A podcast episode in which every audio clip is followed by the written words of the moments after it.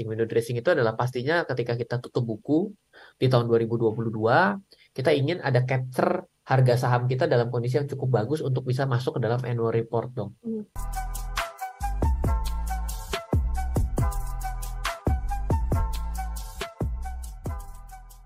Boleh ya, dong ya. jelaskan soal window dressing. Apakah di kesempatan uh, bulan ini tidak ada window dressing? Silakan. Sebenarnya uh, oke, okay. pertama berdasarkan data dulu ya, biar kita uh, biar kita dari dua kondisi ya. Pertama berdasarkan data memang ternyata dari tahun 2005 itu tidak selalu Desember itu adalah naik. Hmm. Jadi jangan pernah punya mitos bahwa pokoknya Desember ini udah saatnya cuan gitu, nggak selalu gitu. Itu sudah bisa silahkan nanti Anda buka ya. Dan yang yang yang menyebabkan biasanya yang menyebabkan dia itu turun di Desembernya adalah kalau di bulan sebelumnya sudah mengalami kenaikan.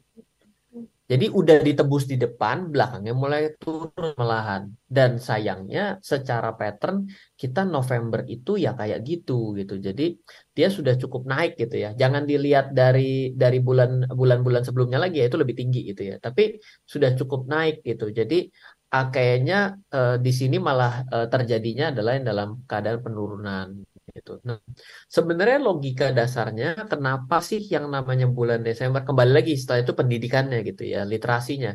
Sebenarnya kenapa sih di Desember itu uh, ada kata-kata window dressing? Window dressing itu adalah pastinya ketika kita tutup buku di tahun 2022, kita ingin ada capture harga saham kita dalam kondisi yang cukup bagus untuk bisa masuk ke dalam annual report dong. Mm -hmm. Ya dong.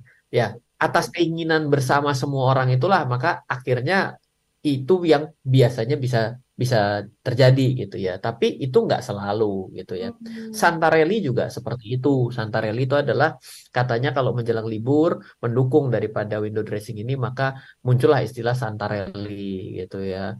Biasanya setelah Santarelli kalau bulan Januari namanya lah Januari efek gitu kan ya. Jadi Iya, jadi orang bursa ini pinter banget dah kalau bikin nama ya. Black Monday, Black Friday, Santarelli, ya pokoknya banyak dah gitu.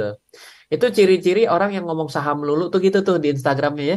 Nanti kalau lihatin di bulan Januari ngomong namanya adalah Januari Efek. Kalau Desember ngomongnya Santarelli. Yang kasih yang lain gitu loh materi. Sudah mulai bosen juga kayak lagu rusak.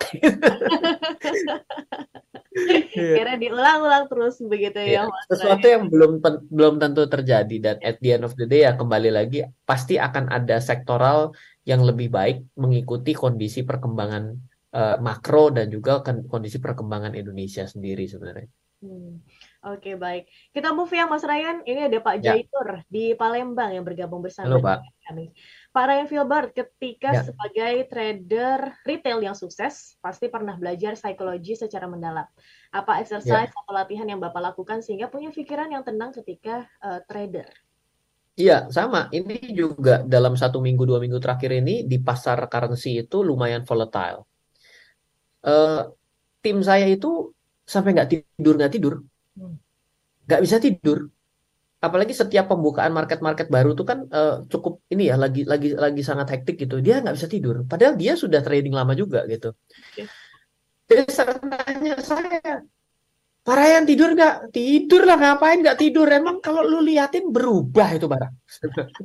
Yang penting sudah membuatkan rencana, tapi ada rasa memang betul gitu. Nah memang ada pada fase itu pernah saya juga mengalami gitu. Ketika saya ada posisi terbuka tuh saya nggak bisa tidur. Uh-huh. Tapi ketika kita sudah berjalan, kita bisa menerima bahwa untung dan rugi itu adalah sesuatu yang memang pasti kita terima.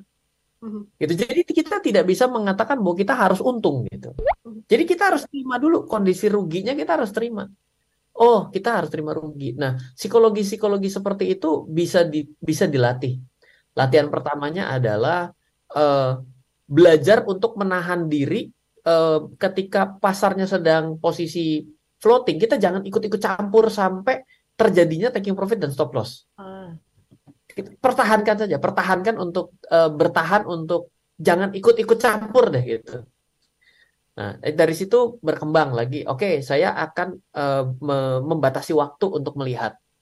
Lalu ketika saya dalam keadaan rugi sekalipun, saya biarkan saja terlebih dahulu selama itu sampai tercapai rencananya. Jadi pelatihan-pelatihan seperti itu uh, memang perlu waktu sih. Know-how-nya gampang. Jadi ya harga murah, harga mahal, harga mahal, harga lebih mahal, murah, ini stop loss itu know-how yang sangat gampang. Hmm. Tapi mengendalikan diri sendiri itu sulit. Jadi efek dari saya bisa belajar trading itu adalah hidup saya lebih sabar orangnya. Oh, Oke. Okay. Kelihatan kan saya orangnya sabaran kan sekarang ya. Sabar sekali Mas Raya. Sabaran mau mukul orang.